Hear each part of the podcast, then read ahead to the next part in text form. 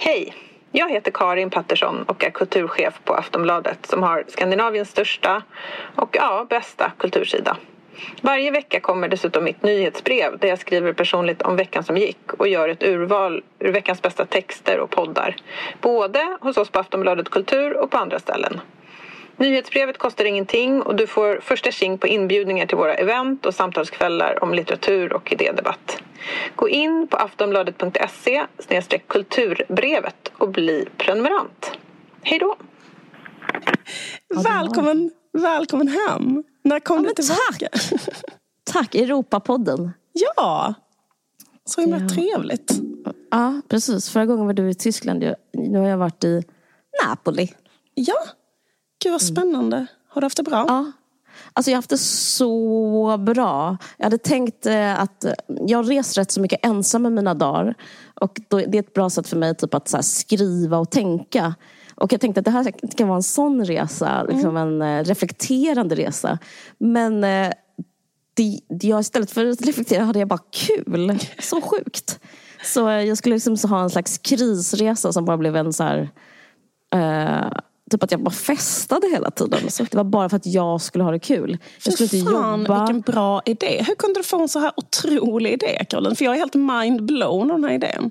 Jag saknar den här grejen att man vaknar så går man ut till en sån tutande gata när någon skriker och så köper man eh, liksom sin croissant och typ eh, dricker kaffe och sen så bara sitter man vid ett café och har det jättebra. Och sen så ser man bara vackra grejer. För att, eh, så levde jag mitt liv fram tills jag fick barn. Ja. Och sen så bara upphörde det på ett väldigt sånt bröd och salt sätt. Liksom. Så att jag liksom tvingades att liksom köpa SL-kort och sån där uh, ja, äcklig kaffe på bröd och salt. Och det gör mig jättedeprimerad. Nej, men så mina kompisar um, som är Gen Z, jag, jag umgås ju över, jag är som Picasso och umgås med alla åldrar. Mm. Läs unga kvinnor. Så underbart.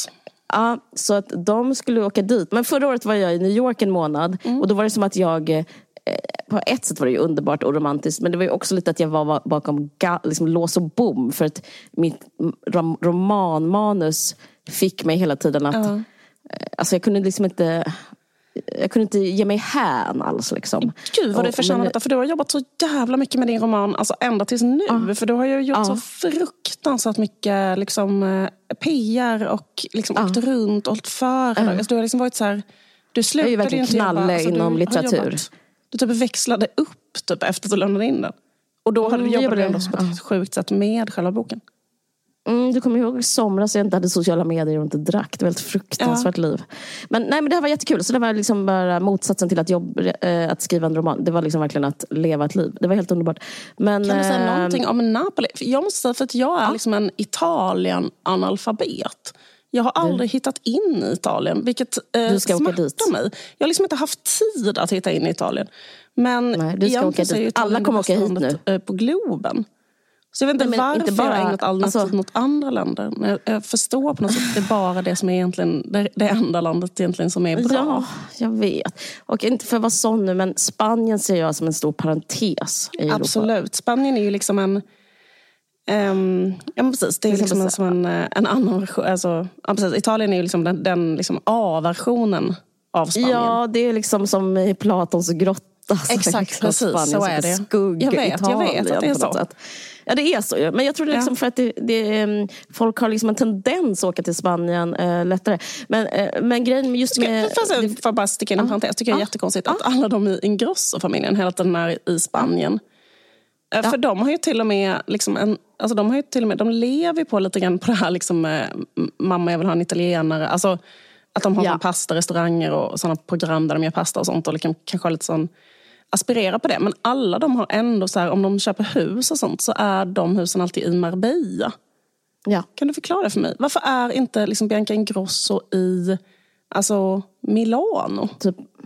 Ja, ja, precis. Eller så här, vid Comosjön. Nej, jag kan förklara det för dig. Det är för att eh, det går inte att tänka utanför boxen. Alltså det är liksom ju svennigt med, ja. med Marbella. Det är liksom så här ja. smålyxigt. Alltså det är som att ha en eh, Eh, det är som att allas kök, allas lyxiga kök ser ju lyxigt ut på samma sätt. Ja, men, men, liksom men Neapel är på ett helt annat sätt. Och nu kommer jag säga ordet, det är ett triggerord. Det är då genuint.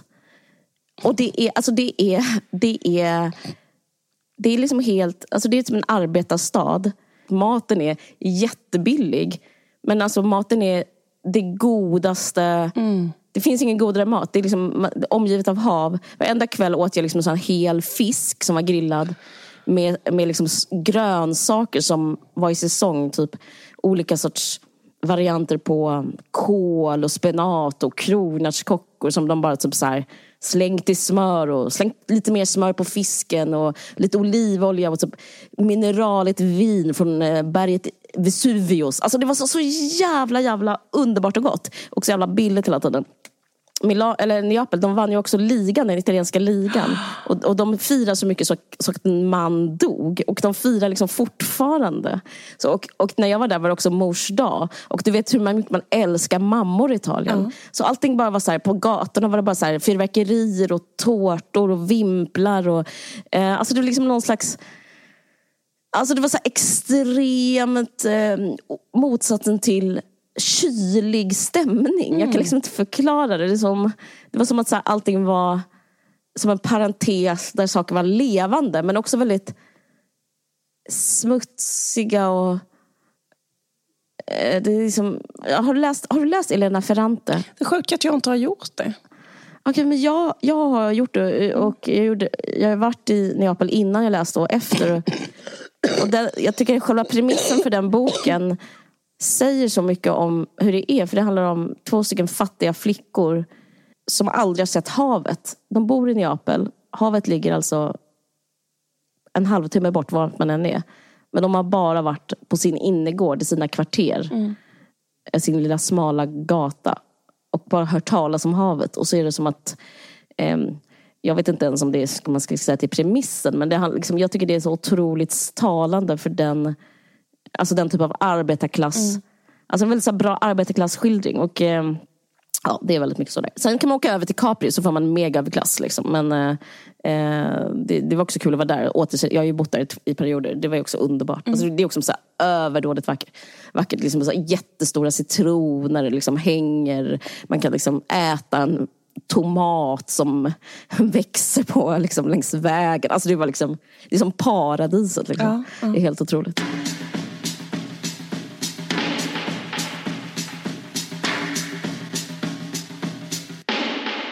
Jag har blivit inspirerad av en äldre kvinna.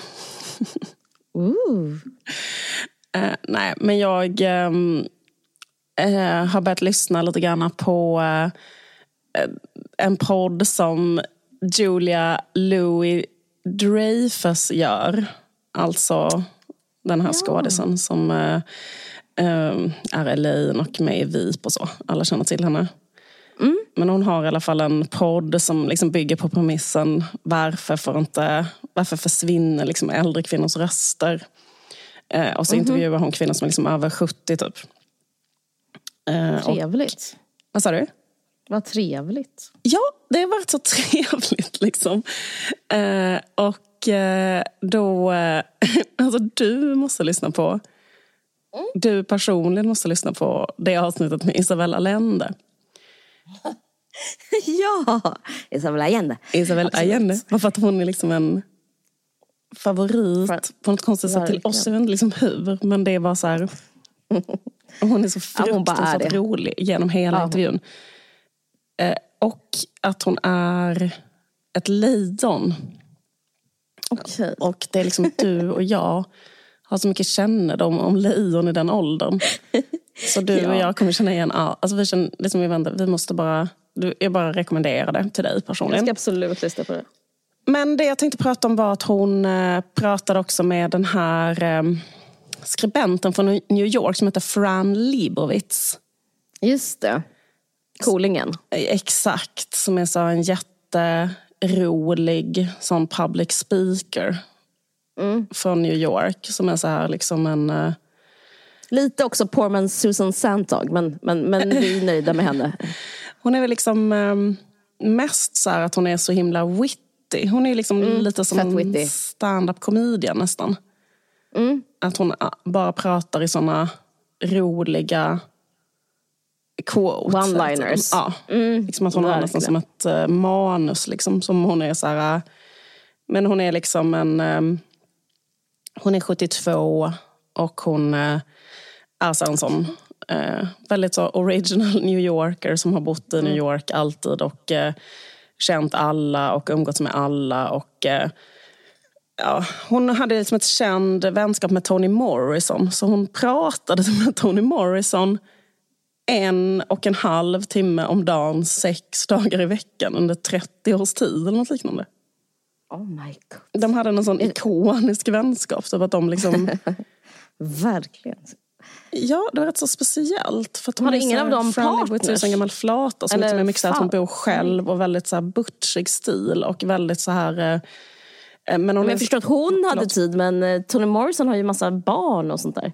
Men ja, visst absolut. Att Toni Morrison hade tid att prata med Fran Nej, men jag menar, jag menar Fran Lebowitz hade tid.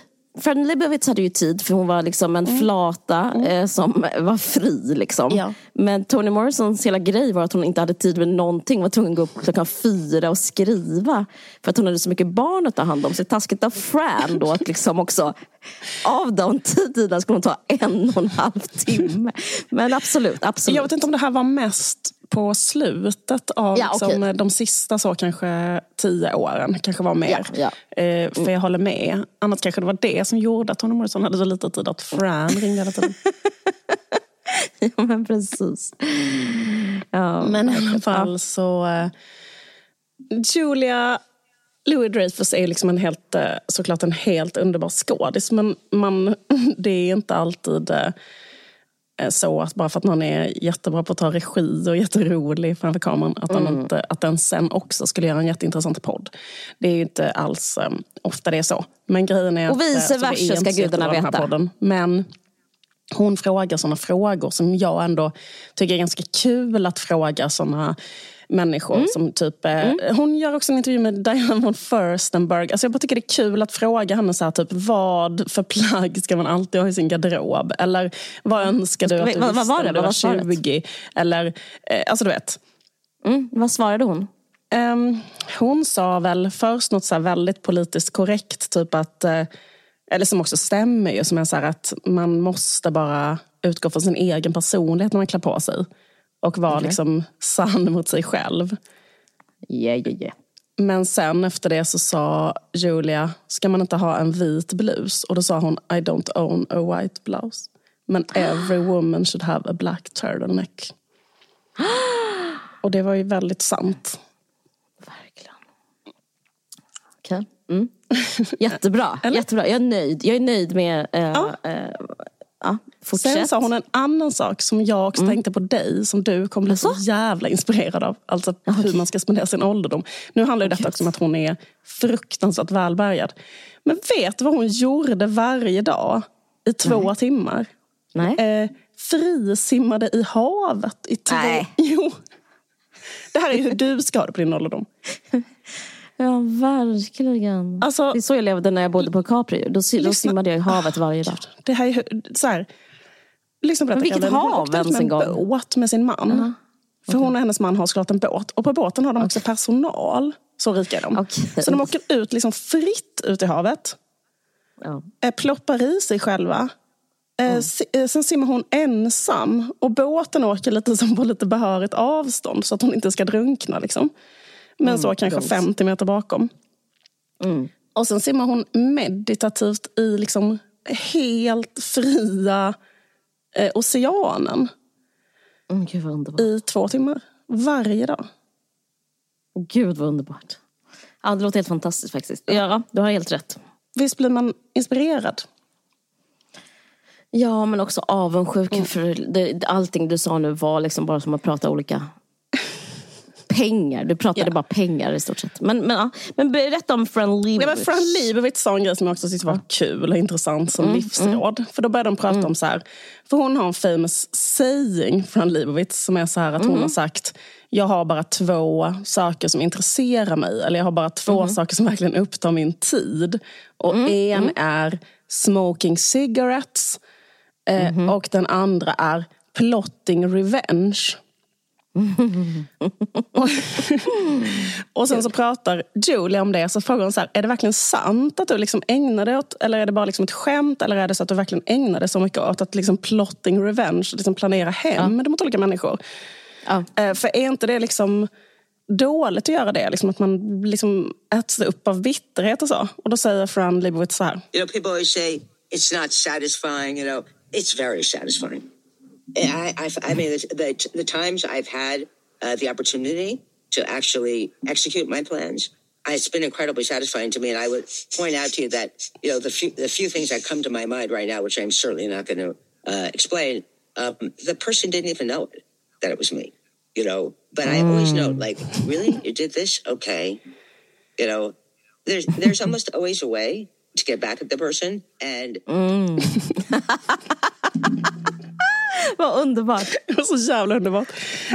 så jävla nice. Så jävla nice. Och det var så himla liksom, mind-blowing. Att det var så här, det är så himla bra att ägna sig åt att eh, planera hem de olika människor. Alltså det är verkligen mm. satisfying. Mm. Och det är inte alls så dåligt för en psyk och så. Jag tror det var intressant. Och så fortsätter hon att prata här eh, om att det är väldigt eh, liksom det är inte alls uppmuntrat i kulturen idag. Mm. Att ägna sig åt hämnd och så. Så bara hade hon ganska intressant resonemang om det. Jag ska spela för dig. Of course this is something incredibly discouraged in the culture now. Because forgiveness is one of the you know primary things people are supposed to practice now. And I think like this is there's nothing more alien to me than this. You know, uh, truthfully, you know, what is forgiveness is actually Christianity. You know, I mean, everyone was Jewish. Then Christ came. Christ said, I'll forgive you. 99% mm. of people said, Oh, you're our guy. Think of the people who didn't. Those are my antecedents. Okay? They're the ones who said, Oh, no, we don't want to be forgiven. And we're not going to forgive anyone. So, uh-huh. uh, you know, the Jewish God is a judge, and the Christian uh, God is a forgiving martyr. So that is not me. And I don't forgive people. And I am like an incredible grudge holder, I have to say. Mm. Mm. Ja, jag hörde inte riktigt i början, men någonting med att eh, det var bara kristna som förlät och hon är judinna. Eller? Ja, precis. Att hon mm. säger liksom att eh, eh, först så var det ingen som hade den idén. Först mm. liksom, sen kom Christ och sa nej men vi ska förlåta folk. Och sen var det liksom vissa omfamnade det men det var vissa som bara inte omfamnade det. Och det är då hennes eh, förfäder säger hon då. De som, de som var så bara, nej vi vill inte förlåta folk och eh, vi vill inte själva heller bli förlåtna. Utan liksom, det är, det, den, den judiska guden är en domare. Och ja. eh, den kristna är en forgiving martyr, säger hon då. Alltså Verkligen. någon som förlåter men är så, någon konstig martyr kring sitt jävla förlåtande hela tiden. Visst. Um, ja, men också eh, de facto martyr, den dog ju på kors. Alltså, det är ja. inte, judarna denouncear hela den grejen. Jätteroligt. Verkligen.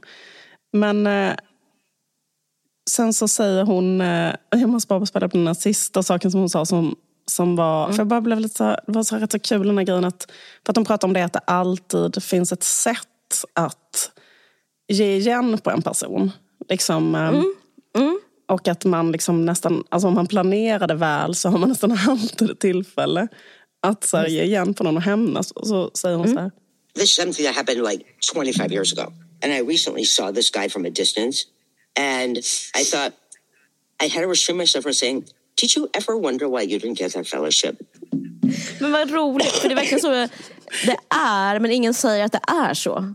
Alltså typ så vem som får olika stipendier och vem som liksom, att det är liksom baserat på personliga men sluta, allt fungerar sådär. Ja, men precis. Och alla människor är sådär. Visst, alla jurymedlemmar är ja. sådär. Alltså absolut. Och det är liksom så här, allt fungerar så, alla är så. Mm. Mm, och liksom det är bara så jävla sjukt. Alltså, det är så, um, jag läser uh, Doris Lessing nu, den här uh, boken Den femte sanningen. Och mm. då uh, är det ganska kul avsnitt som handlar, för det handlar om en författare. Och då mm. berättar hon att hon är vän med en annan författare, en ung kille mm. som har fått en dålig recension av en recensent. Mm. En mm. jätte, jättedålig recension.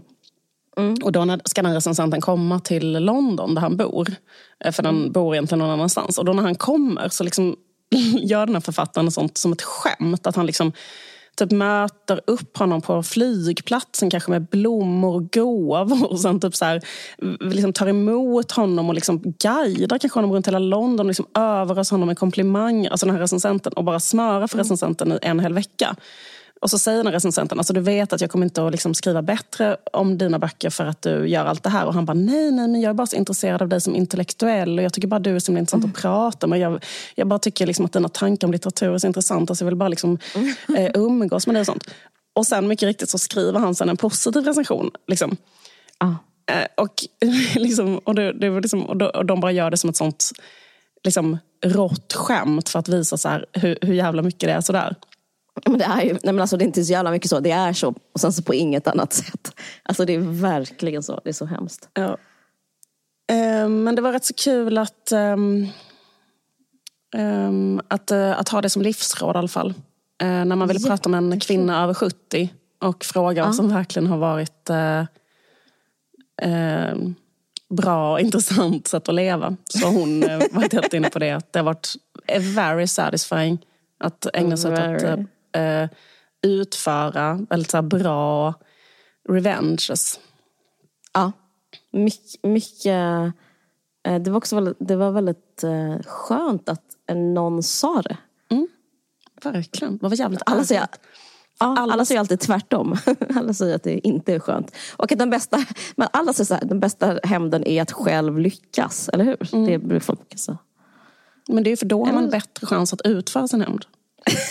ja, men det är också ganska kul intervju för först är hon Julia lite negativ till, till detta men sen så erkänner hon plötsligt att hon själv har gjort en sån här grej. Executat en revenge mot någon. Fan vad nice. Såklart liksom. Alltså att när hon väl har fått chansen någon gång. Ja. Uh, ja, alltså jag tycker att uh, för mig tillhör det dagdrömsstadiet. Alltså det är sånt jag kan dagdrömma om men jag mm. har liksom inte skridit till handling. Men uh, menar, vi, är inte, vi är inte döda än, det finns tid kvar. Speciellt om man tänker i det här långa perspektivet då. Ja men vad är det jag menar? Kanske liksom om 30 år kan jag sätta in någonstans.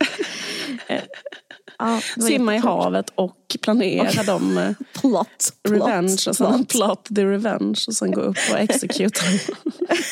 Verkligen, hon var så rik. Ja, underbart.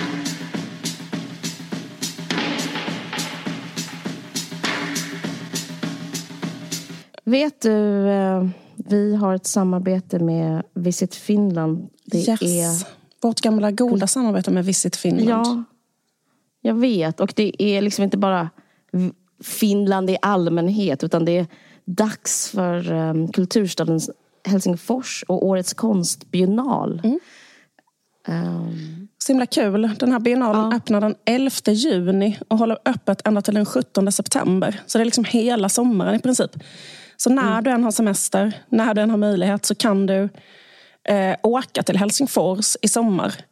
Och då ja. kan man alltså besöka den här supercoola, intressanta eh, biennalen, konstbiennalen som ligger liksom på en gammal militärö som heter mm. Vallisaari på finska men den heter Skanslandet på svenska om någon känner igen det mer. Men det ligger bara 15 minuter med båt från centrala Helsingfors. Så man kan bara hoppa på båten från Salutorget och då kommer man direkt ut till den här ön. Och det är en väldigt, ja. väldigt cool, fin ö som är så lummig och karg och det finns massa gamla liksom, övergivna militärbyggnader kvar. Och det är det här som är liksom settingen för den här konstbiennalen. Det är liksom helt underbart, även om man har varit mycket i Helsingfors tror jag kanske inte man har sett det från det här hållet. Eller liksom den här, eh, det här sättet att uppleva Finland men ändå liksom inte lämna eh, det urbana. Nej. Ja, jag tycker det låter fantastiskt där och hur de jobbar med i, i konstbiennalen. Man arbetar väldigt mycket med miljön på plats. Eh, man väljer ju själv, alltså de här, det är många olika konstnärer och sen så väljer de hur de mm. eh, ska liksom kurera sina verk. Och eh, många arbetar med själva miljön. Så jag tycker det låter helt fantastiskt, helt ärligt. Och den här biennalen är gratis dessutom att besöka. Eh, yes. Båten kostar kanske som en SL-biljett men annars mm. så är det liksom också ett rätt så eh, eh budget, eh, ett, ett, eh, en budgetidé i sommar. Verkligen. Och det är 30 stycken konstnärer som ja, allt som allt som ställer ut. Och kuratorn för den som alltså, eh, vad ska man säga, producerar eller regisserar heter Josia Krya. Och temat för den här biennalen i år är New directions may emerge. Och det är liksom ett tema där konstnärerna har utforskat alternativa sätt att leva. Hur man kan förstå och tolka världen och eh, hur vi kan komma att leva i framtiden. Jag såg att det var en eh, spansk konstnär som heter Asuncion Molinos Gordo till exempel. Som är utställd där. För det är ju liksom inte fi- bara finska konstnärer såklart. Utan det är liksom en internationell biennal. Så det kommer liksom jätteintressanta konstnärer från hela världen. Och eh, Asuncion Molinos Gordo är i alla fall en liksom, eh, eh, forskare och konstnär som är väldigt starkt influerad av antropologi, och sociologi och kulturvetenskap. Och liksom gör, jag har sett till exempel jättefina så här krukor. Och liksom eh, försöker så här, eh, typ eh, skapa liksom något slags mindre stadscentrerat sätt att förstå framåtskridandet med fokus på samtida landsbygdsbefolkning. Så eh, hon, hon gör verk som liksom kastar ljus över detta som är supervackra och jätteintressanta. Så det är en som jag skulle tycka var kul att kolla på. Ja, hon är en av de här 30 alltså. Gud, det låter superspännande. Eh, och det är roligt att se hur de har tolkat det här nya temat också som känns väldigt i tiden. Liksom. Liksom se någon slags framtid framför sig. Verkligen. Men, Och det ja. går också att gå en guidad visning runt ön. Då, då betalar man Ja, lite, men det kan vara väldigt värt att höra. För då är det ett proffs som berättar om både konstverken och om själva ön. Och sen är det ju härligt överhuvud- överhuvudtaget att bara komma till Helsingfors på sommaren. Man kan bada på olika ställen. Mm. Det finns eh, andra jättefina museum man kan kolla. Det finns en underbar gammal konstsamlarvilla som heter Didriksen, dit man kan gå. Kul. Det finns Mm. eh, eh, Ateneum, Klasma, Ham, Amos Riks som exempel på eh, museum som är jätteroliga eh, att Ja. besöka. Så det, är ju, det ligger ju supernära Stockholm. Eh, Och så finns det nära- antikvariat och bokaffärer om man liksom är... Alltså man kan göra en kulturresa låter det som. Det Ja. låter som att allting pekar den riktningen. Gör en kulturresa till Helsingfors. Visit Finland. Det, alltså Finland med det här kan man säga är liksom lite som en sån uppstickare till, alltså utmanare till det här kända roliga citatet av Horace Engdahl att Tyskland är ett eh, Sverige för vuxna. Kanske är Finland ett Sverige för vuxna. Jag vet inte, vi får se. Det är ännu ett skäl att åka dit och kolla. Ja. Tack så jättemycket för det här samarbetet. Visit Finland. Tack så hemskt mycket. Vi har ett samarbete med det fria operakompaniet Kamraterna. De tänker göra menskonst. Kul! Det känns liksom som att det har em, kommit hela cirkeln runt. Verkligen. Det är... eh, Ja men verkligen. Det hela cirkeln runt in i den typ av finrum. Eller, eller så har operan blivit folklig. Det är ett väldigt intressant eh, ämne för en opera. Eh, Verkligen, Ja, för opera handlar Ja. om, väldigt ofta om starka känslor, eller hur? Ja verkligen. Och den här föreställningen handlar om PMS. Eh, Alltså, ehm, som vi alla vet så eh, kan man må väldigt, liksom, eller bara få väldigt så konstiga mörka känslor innan man får mens. Och 3-5 procent av alla som menstruerar har den här grejen som heter PMDS. Som är att man får sånt eh, premenstruellt dysforiskt syndrom. Då kan man Just få det. så här, liksom depression, självmordstankar, personlighetsförändringar. Jag känner flera människor som har detta. Då måste man liksom äta medicin som- och så här. Det är väldigt speciellt liksom, att man kan bli så helt... Um, alltså totalt exakt paj liksom, av det här. Ja. Och nu så gör dramatikern Alma Lindé och kompositören Corinne von Dardel Otroligt, otroligt namn får jag säga, Corinne von Dardel. Fa- eh, De led båda av det här, utan att veta om det liksom, så kom det fram, att de led båda av PMDS. Och i ett samarbete har de nu skapat en enaktsopera som heter PMSIUS, kanske heter den PMSIUS, P, eh, I don't know. Men eh, då är det utgångspunkt i sina erfarenheter. Det, ja. I den här föreställningen så gestaltas PMS som en utomstående varelse En slags mm -hmm. trickster som terroriserar ett annars välmående par i en idyllisk tillvaro. för sitt eget höga nöjes skull. Så PMS är inte en del av Just. kvinnan själv utan gestaltas som en makt som tar sig friheter på henne och hennes partner. Det låter väldigt roligt. Det låter jättekul och eh, utan att eh, få det här handla om mig, väldigt relatable faktiskt. Mm. Eh, på ett väldigt kul sätt. Och jag känner mig, jag känner mig så glad och lugn att tas in i operans sammanhang som är så um, konservativt. Så roligt att höra. Ja, men den här PMS, PMSI, PMSIUS, eller PMSIUS, eh, sätts upp som krogshow på Reimersholm hotell i Stockholm. Och baren håller öppet för den som vill sippa på något under tiden. Fan vad soft. Mm. Kanske en Bloody Mary. Eh, passande nog. Men, mm. eh, och efter föreställningen på helgen så fortsätter kvällen med dans till en opera-DJ.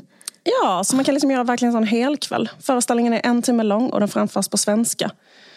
Och, Gud vad ehm, föredömligt. Ja, så himla trevligt. Då kan man gå dit, mm. kolla på föreställningen, mm. dricka under tiden, stanna kvar, dansa. ja. Kamraterna är liksom ett fritt operakompani som vill spela närmare publiken, nå längre in i hjärtat och binda samman den sjungna och den talade teatern. Så de skapar ett komplement till de stora institutionerna genom att i mindre skala utmana och utveckla operan vad det gäller form, aktualitet och arbetsmetoder. Och de har i över tio år producerat sommaropera i Stockholm. Fan vad kul. Mm. Pemessio spelas mellan den 16 juni och 8 juli med start klockan 19. Lyssna nu här. Biljett kostar 350 och med rabattkod VARG så kan du köpa en biljett för 299 kronor. In this economy är det otroligt billigt. Mm. Uh, och man bokar de här biljetterna via Nortic. Um, N-O-R-T-I-C. Och sen så kan vi faktiskt posta en länk på vår Facebook-sida. Uh, och om, så länge man väntar på den kan man gå in på kamraterna.com. Ja, gud vilka, liksom, vilken trevlig uh, idé att gå och göra. Ja, verkligen. Det låter um, så ehm, bra också. Det var väldigt trevligt också att baren var öppen hela tiden. Ja, och att man kan dricka under tiden och mm. att de inte håller på så länge. Fast det är bra så kan man känna att det kan förstöra något bra att hålla på för länge. Det här är otroligt. En otroligt, timme, en dricka timme. under tiden. Och sen också trevligt att man kan gå dit med sin partner i och med att det handlar om detta. Verkligen. Det kan ju vara liksom en, ha snack alltså det är en bra liksom date night. ja, precis. och sen Verkligen. så stannar man och dansar och har jättekul. Eller är man med en kompis. Allt är bra. Ja. ja. men tack så mycket kamraterna för det här mm. samarbetet. Tack så jättemycket. Eh, nej men eh, nu så är det så att jag har läst en bok som jag vet att du också har läst. Mm. eh, som jag tänkte prata om. Den heter Allegro Pastell. Mm. Skriven av eh, Leif Rant. Mm. Ehm, och eh, ja, jag vet inte var jag ska börja riktigt. Jag tyckte att Uh, jag, jag tyckte att den var väldigt bra. Och uh, jag vet, uh, du har spelat in um, du spelade in ett avsnitt av Stormens utveckling som jag har eh, liksom hållit mig ifrån att höra. Så jag vet inte om om jag kommer säga emot dig väldigt mycket nu eller ja, skitsamma. Men, men eh, du får jättegärna säga sen vad du tycker också tänkte jag. Eftersom ja, du har läst absolut. Alltså jag tror... Alltså jag minns inte ens vad jag sa. Men eh, Nej. jag försökte komma ihåg det nu. Men, eh, fast jag tyckte också jätte, att den var jättebra. Jag kände inte till boken förrän jag hörde mm. Stormens. Ola pratade om den. Och han pratade om den som en eh, samtidsroman väldigt mycket. Och pratade om det som så här, samtidsmarkörerna. Mm. Och ytligt sett, för jag tror inte så många har läst boken.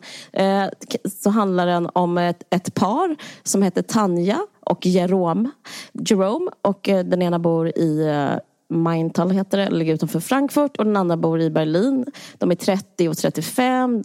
Eh, Tanja har skrivit en eh, kortroman som heter Panopticon Noi och eh, Jerome är då en webbdesigner.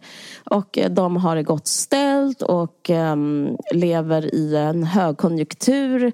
Utspelar sig 2018. Alltså lite som eh, det där jag pratade om när vi pratade om trendspaning som eh, alla älskar att citera. Att man, man liksom, de är sådana som levde Alltså de levde väldigt så högt och mm. storslaget utan att egentligen vara överklass och hade de liksom inga, in, ingen smärta liksom, ingen materiell smärta på något mm. sätt upplever jag de här mm. personerna. Fast de inte är liksom några ekonomer eller bankpersoner. Eller så här. De är inte ute efter pengar i första, i, i, i, första hand i sitt liv. Men de lever liksom som unga vuxna eh, som kan liksom njuta av eh, västvärldens, allt det har att erbjuda. Mm. Med, också med ett kulturellt kapital. Alltså, när, trots att de, de, de, de, mår, de har det där så här gott ställt och de är liksom den här kulturella medelklassen och de är liksom nästa generations liksom stora hopp. Så är det som att deras smärta är så svår. Och jag upplever att hela boken handlar liksom om deras smärta som är liksom ännu svårare för dagens generation. Och jag kan liksom inte fatta hur, att han har lyckats fånga det. För det är liksom det svåraste som någon kan fånga. Att inte satirisera över någon utan beskriva liksom någon älskvärt fast den liksom är eh, fånig. De gör nästan de gör en massa så olika saker som ungdomar gör och som hipsters gör. Och det liksom beskrivs på ett sätt som är att Alltså jag upplever liksom ett jättestort sökande. Det är som att man har allting, alla kort på sin hand. Och eh, liksom stora frågan för människorna i boken och kanske liksom för människorna i vår generation är liksom hur ska man lägga upp sitt liv? Mm. Och det som är skillnad från andra generationer är att liksom det är inte så reaktivt. Det är liksom inte, ja, nu eh, nu är det dags att skaffa barn eller nu ska jag utbilda mig eller nu så vill jag, är jag förtryckt av min förälder därför reagerar jag så här. Utan ingen är förtryckt av sin förälder. Mm. Ingen behöver skaffa barn som Ola pratade också om. Och ingen eh, behöver bli något speciellt. För det finns liksom inte det ekonomiska incitamentet. Det finns liksom inte riktigt något annat incitament heller. Och, och det finns ingen religiös, inget religiöst incitament någonstans. Mm.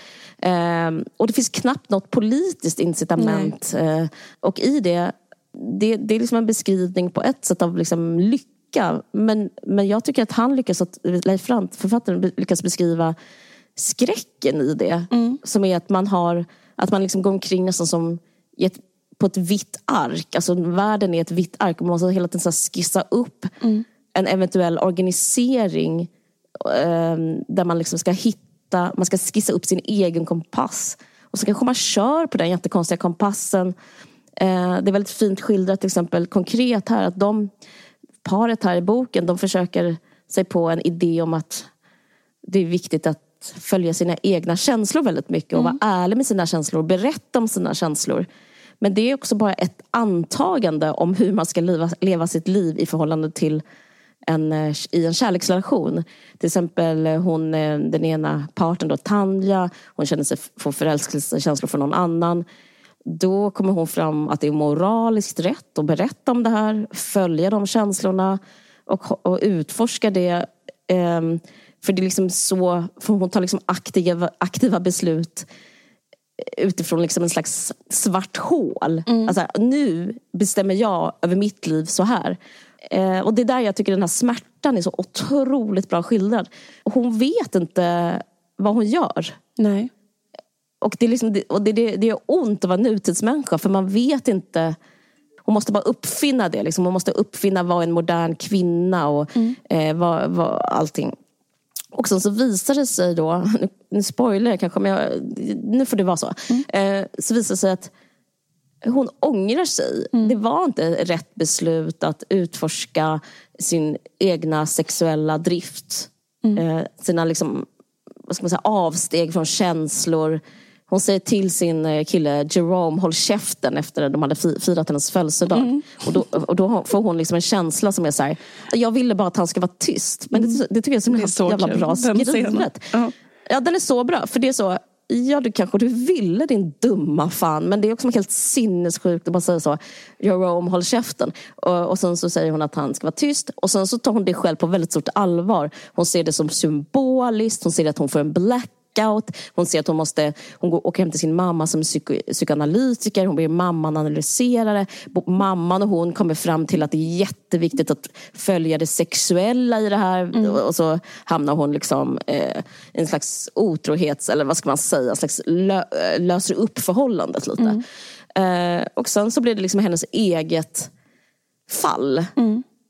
Ehm, och det är väldigt bra beskrivet hur den här eh, ena huvudpersonen, Tanja, hon beskrivs som en person som har så psykisk hälsa intakt. Ja. Och förutom då det materiella, att hon har inte några större behov. Och hon, hennes vänskaper fungerar. Men samtidigt så är det som Alltså det är så jävla bra gjort. För det är skildrat liksom på vad de tror uppfattning om sig själva är och liksom vad som egentligen händer. Hon förstör sin enda nära vän, vänskapsrelation och blir liksom ensam. Eh, och sårbar. Och hon känner sig på olika sätt. Hon liksom mikrodoserar knark på ett sätt som är ju modernt nu. Och det är också otroligt bra skildrat. Och så känner hon sig på vissa sätt. Man kan liksom inte koppla ihop de här liksom ödsliga känslorna att vara ensam i Berlin, inte lämna lägenheten flera dagar, må på ett sätt, eh, inte ha vänner, eh, skära av sin relation, vara ihop med någon konstig random person. Eh, hon kan liksom inte koppla ihop det för att allting är liksom rätt gjort på något sätt. Men hon är som att hon eh, hon typ eh, ser på sig själv som stark men eh, beskrivningen av henne är en människa som är svag. Och jag tycker det är så otroligt fint gjort för att hon har en syster som är uttalat psykiskt sjuk. Som åker in och ut på psyket, kanske har gjort någon självmordsförsök. Och det finns en överlägsenhet gentemot den här syrran. Men man fattar egentligen att hon är helt... Den här syrran, jag menar inte den här klyschan alla galningar är de normala. Det är inte det jag menar. Men syrran är på något sätt känner av livet på ett helt annat sätt. Och liksom låter livet komma och gå. Och vara så här, eh, reagerar och, ha- och, och typ så här, blir ledsen eller blir inte ledsen. Men medan Tanja och då Jerome faktiskt mer som har liksom idéer om saker utan att vara i det. Och sen så blir de drabbade av sina egna idéer. Och jag, innan har det varit så här snack om att 20-talet, för eh, det nya 20-talet, det vi lever i, att liksom den generationen nu kommer vara som generationen för hundra år sedan. Och jag tycker det stämmer lite när man läser den här boken, att det är en slags the lost generation. Att de liksom, ingen vet någonting mm, och liksom håller på att gå under. Och det är liksom, eh, det är någon slags, jag vet inte, historiens slut känsla. Men jag tänkte på en sak. Jag, jag, har, skrivit, jag har några eh, citat som jag tänkte på. Eh, som jag tänkte läsa upp. Som eh, handlar om eh, en annan sak. För det, det, hon, får, hon tillåter sig inte heller ha problem med sin familj. Så som... Alltså, hon, hon har en familj. Och de mår också bra. Ingen bråkar. Och, eh, och hon liksom låter sin mamma säga saker om henne. Hennes pappa spelar tv-spel och sen får han en älskarinna. Och, och hon liksom tillåter sig inte att någonting är ett problem. För hon har en idé om att inget är ett problem. Men, eh, men i själva verket så är det väldigt så nästan isande. Alltså om livet ska vara så, så är det liksom det, är liksom en iskyla i att ha det så. Och eh, jag tänkte på de firar jul i hennes lägenhet. Var den, det var, jag ska bara läsa upp det här. Det finns ju ett stilideal hela tiden. Och, eh, och jag upplever det liksom skräck, som skräck. Eh, och, och här, här, är, här, är liksom, här, här är ett, eh, en gestaltning av det som jag tänkte läsa. Det här är julafton. Ehm, då har Sara, då, hennes lilla syster, precis åkt in på psyket. Den 24 december lämnade Tanjas föräldrar Kiel runt tre. Lagom till dagens sista dagsljus ringde de på Tanjas dörr. Sara skulle ansluta lite senare.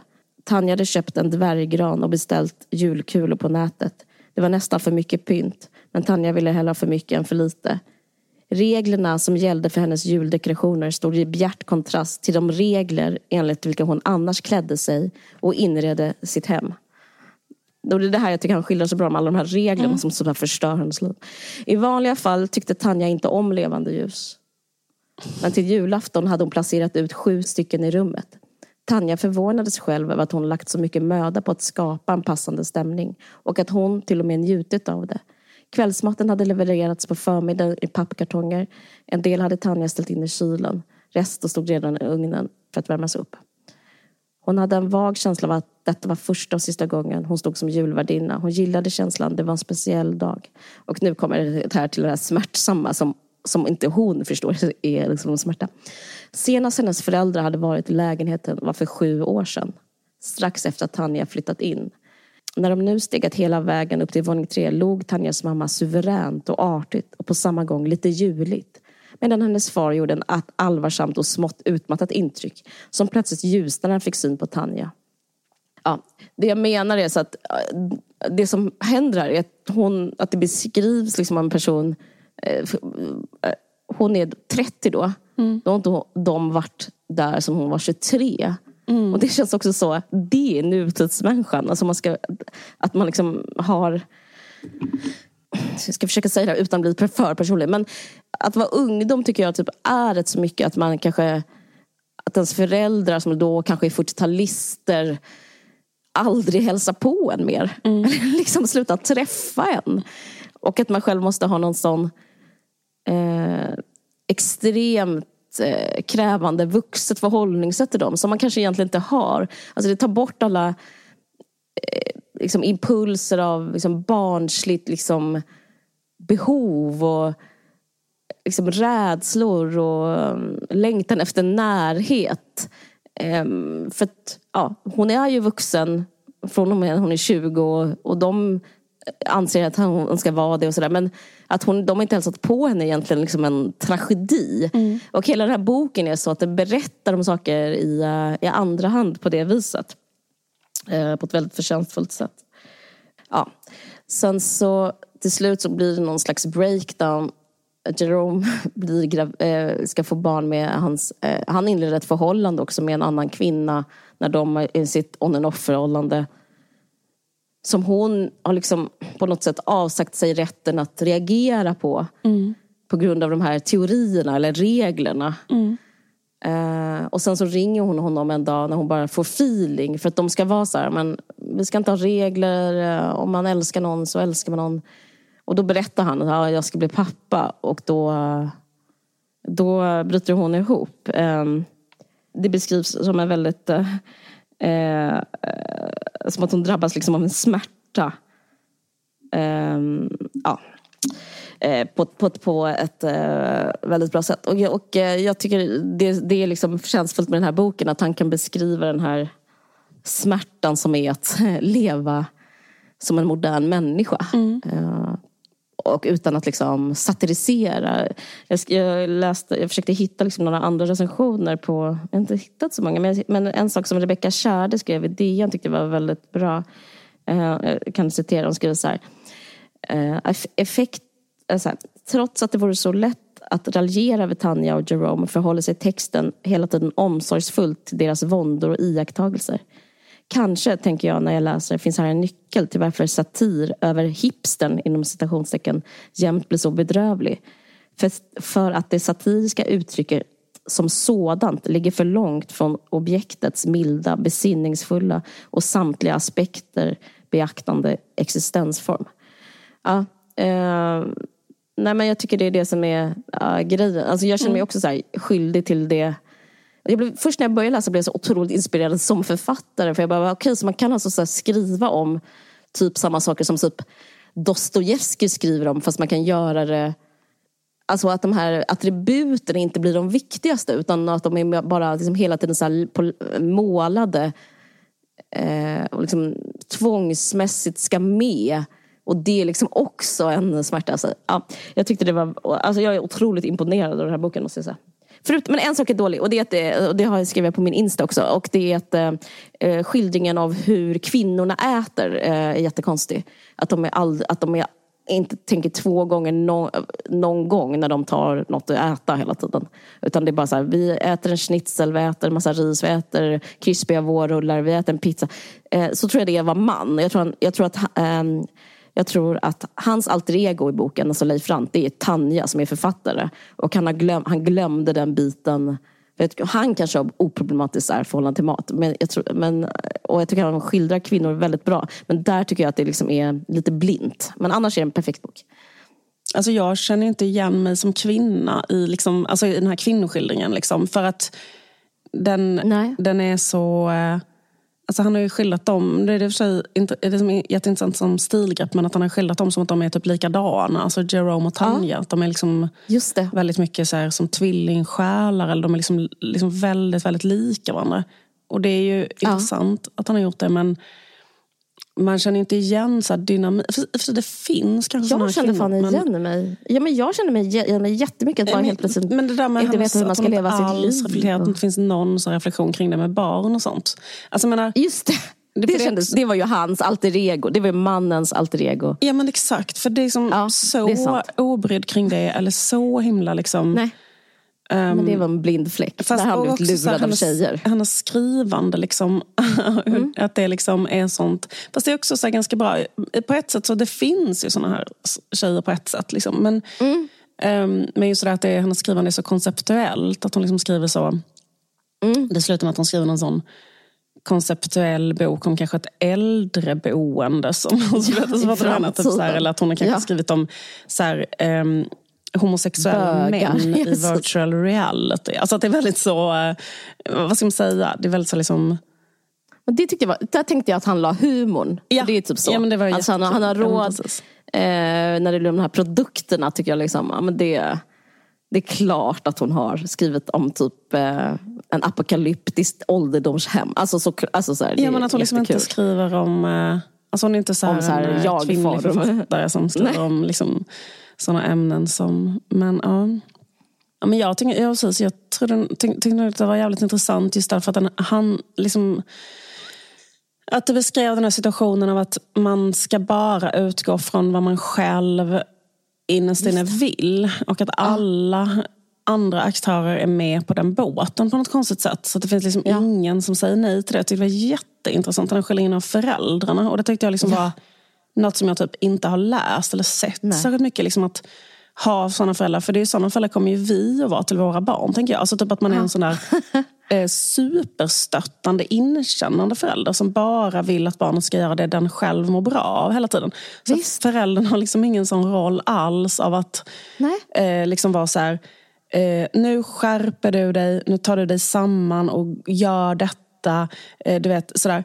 Utan liksom, Nej, men det är det jag menar, att det inte är uppmuntrar henne reaktivt. Att, ehm, liksom så utforska sin sexualitet med en annan man, Mm. göra slut med sin kille och så. Och det, det är väldigt bra att mamman Mm. gör det. För att för liksom hela idén är bara att man blir lycklig om man gör det man själv känner för innerst inne hela tiden. Just det. Men det är en sån himla liksom väglöst land. Liksom. Verkligen. Så att man bara irrar runt där. Och han, liksom båda de två är ju med på det också i sitt eget förhållande. Att de hela tiden ska känna efter. Och, Ja.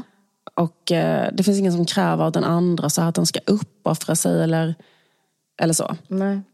Nej, men jag tänkte på det här med att de inte vill ha barn. Att jag tycker det är jättebra. För då blir det som att den möjliga relationen som är att ha ett, så här, någon som kräver någonting som inte har att göra med lust. det är ju ett barn. Liksom. Att, det är liksom, eh, att man säger nej till det. Det, är liksom, det är ju säkert så att de inte vill ha barn men det är också en väldigt så här, snygg symbolik. Att eh, den typ av relation det är inte bara barnet eller idén om barn eller det är dåligt för miljön med barn. Utan det är liksom idén om att någon ska äga en. Är, Den är liksom så förbjuden nästan. Eh, sen tycker jag det var skakande att han hade det här citatet från, eh, vad heter det nu? Eckhart Tolle i, i, i The Power of Now. Eh, och det gjorde att jag blev liksom livrädd när jag började läsa boken. Eh, för, för, det, för det är ju liksom någon sån här eh, The power of, du kan det mycket bättre än vad jag kan. Men liksom, hur ska man sammanfatta den filosofin? Eh, typ, förlåta nuet eller liksom bara vara i nuet. Eller, eh, Det handlar ju jättemycket om det att eh, liksom, alltså, Zizek är ju väldigt så, kritisk mot buddhism. Och eh, framförallt är han liksom kritisk mot eh, det som han kallar för så här, western buddhism. Och liksom, Eckhart Tolle är väl jättemycket en representant för det. Liksom att, visst. liksom att man på något sätt vill så...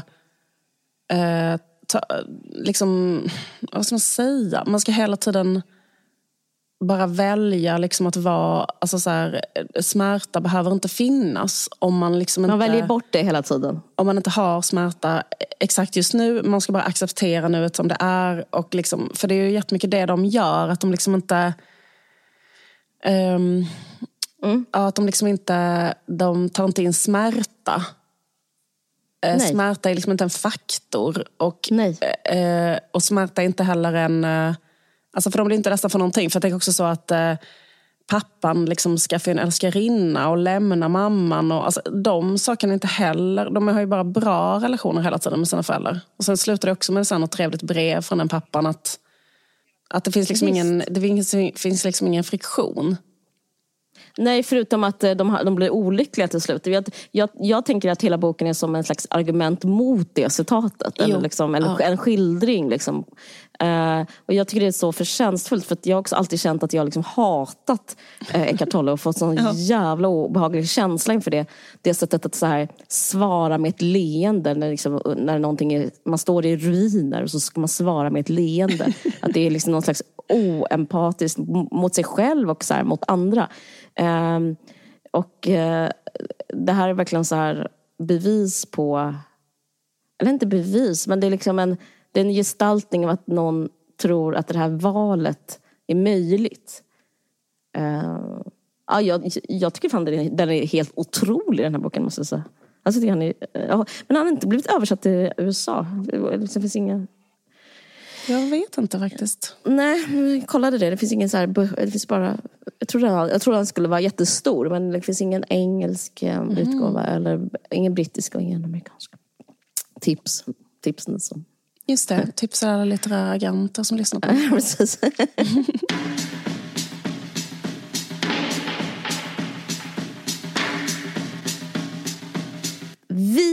fortsätter vårt samarbete med en av Backbone-sponsorerna till den här podden som gör podden möjlig. Bland annat. Och mm. det är Nextory. Nextory, Nextory, Nextory. Um, mm. Nextory är ju en ljud och e-boksservice. Och ah. vi har en kod som ah. är till våra lyssnare. Och man kan gå in på www.nextory.se snedstreck varg45. Och då mm. får man 45 dagar gratis. Oavsett man behöver... om man är ny eller återvändande ah. kund. Helt underbart. Mm. Uh, så nu när sommaren är på ingång, man kanske har en tågresa att se fram emot. Så ja, det är bara att plocka mm. upp mobilen. Jag tycker det är så himla bra när man har Nextra på mobilen. För då kan det vara så att man hör talas om en bok. Till exempel så ja. började, liksom, kanske jag läste någonting om han den här Andreas Cervenka har skrivit en bok som heter Gir i Sverige. Du vet Just vilken det. bok det är. Oh ja. Den var liksom August-nominerad men så är det så här, den boken kanske man inte liksom läser eller har bokhyllan. Alltså du vet, men man bara, oj den här har jag kanske missat att läsa. Sen så bara kollar man, ja men då finns den på Nextory. Så liksom på en sekund kan man bara så bläddra mm. igenom en sån bok som man eh, tänker att så här, den här är ju jätte, eh, liksom, är ju en bok man verkligen liksom borde läsa, eller hur? Mm, den handlar om så här, hur eh, Sverige har blivit typ ett paradis för så här, miljardärer och typ att klassklyftorna har ökat så extremt mycket i Sverige under de senaste um, åren. Och just att de rika har blivit så svinrika och medan de fattiga har blivit mycket fattigare. Och det är liksom något väldigt, väldigt konstigt att man typ inte pratar mer om det i Sverige. Men han har ju skrivit en jättebra bok och liksom kartlagt allt det. Eh, fan vad intressant. jag, för jag har läst väldigt mycket om den. Den har ju fått mycket eh, praise och uppskattning. Eh, men jag har inte heller liksom kommit dit. Men då är det Nej. ju mycket lättare än jag trodde att bara få eh, bilda mig vad det gäller det också. Du bara tar eh, din lilla tumme och så klickar du på en sån ikon och sen helt plötsligt så liksom kan man bara rulla upp hela den boken där. Swipa jättesnabbt. Ja, fan vad gött. Eh, och det... vips så har man förstått något jätteviktigt om Sveriges um, utveckling och varför Sverige ser ut som det gör idag. Mm.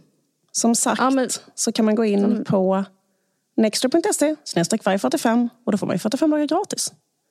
Just Perfekt det. inför sommaren som du sa. Ja, så tack så hemskt mycket Nextory. Mm, tack så jättemycket. Ska vi säga ciao? Ska vi säga ciao? Arrivederci, ci vediamo tutti. Grazie per escuchari. Jag hittar bara på italienska nu. Mm, Escuchar, inte det spanska? Jo. Ja, grazie nej, men, eh, tutti. Mille, mille grazie a tutti. Grazie mille a tutti. Uh, puss, puss, puss, puss.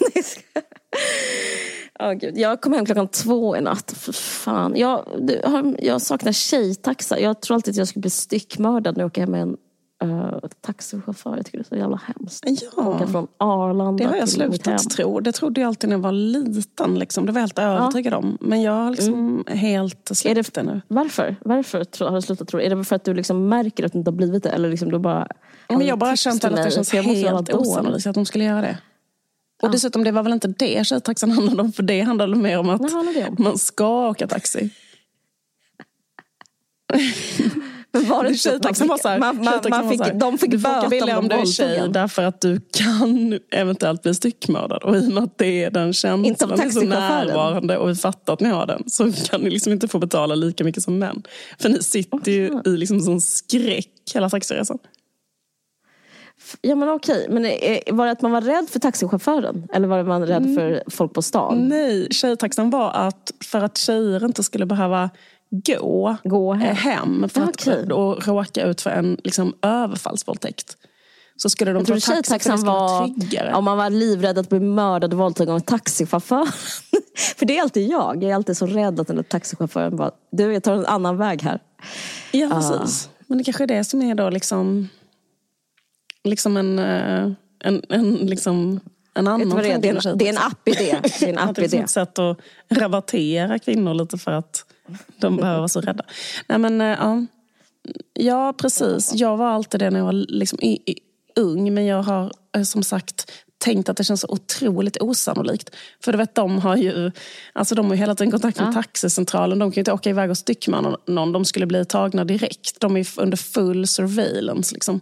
De, Är de det? det sitter ju liksom en, en människa på en sån central Eh, Alltså, det, det skulle ju då vara ifall det skulle vara typ en psykopat som själv har liksom så tejpat en vanlig bil till en taxibil och plockar upp... Alltså det, det, så skulle det kunna ske. Vet du vad? Jag Förlåt, jag tänkte inte på det någon där, ja. idéer. Men nej, alltså, nej, men jag, jag tänkte på det där att de hade surveillance från, från en växel och sånt där. Men vet du vad jag tänkte på då?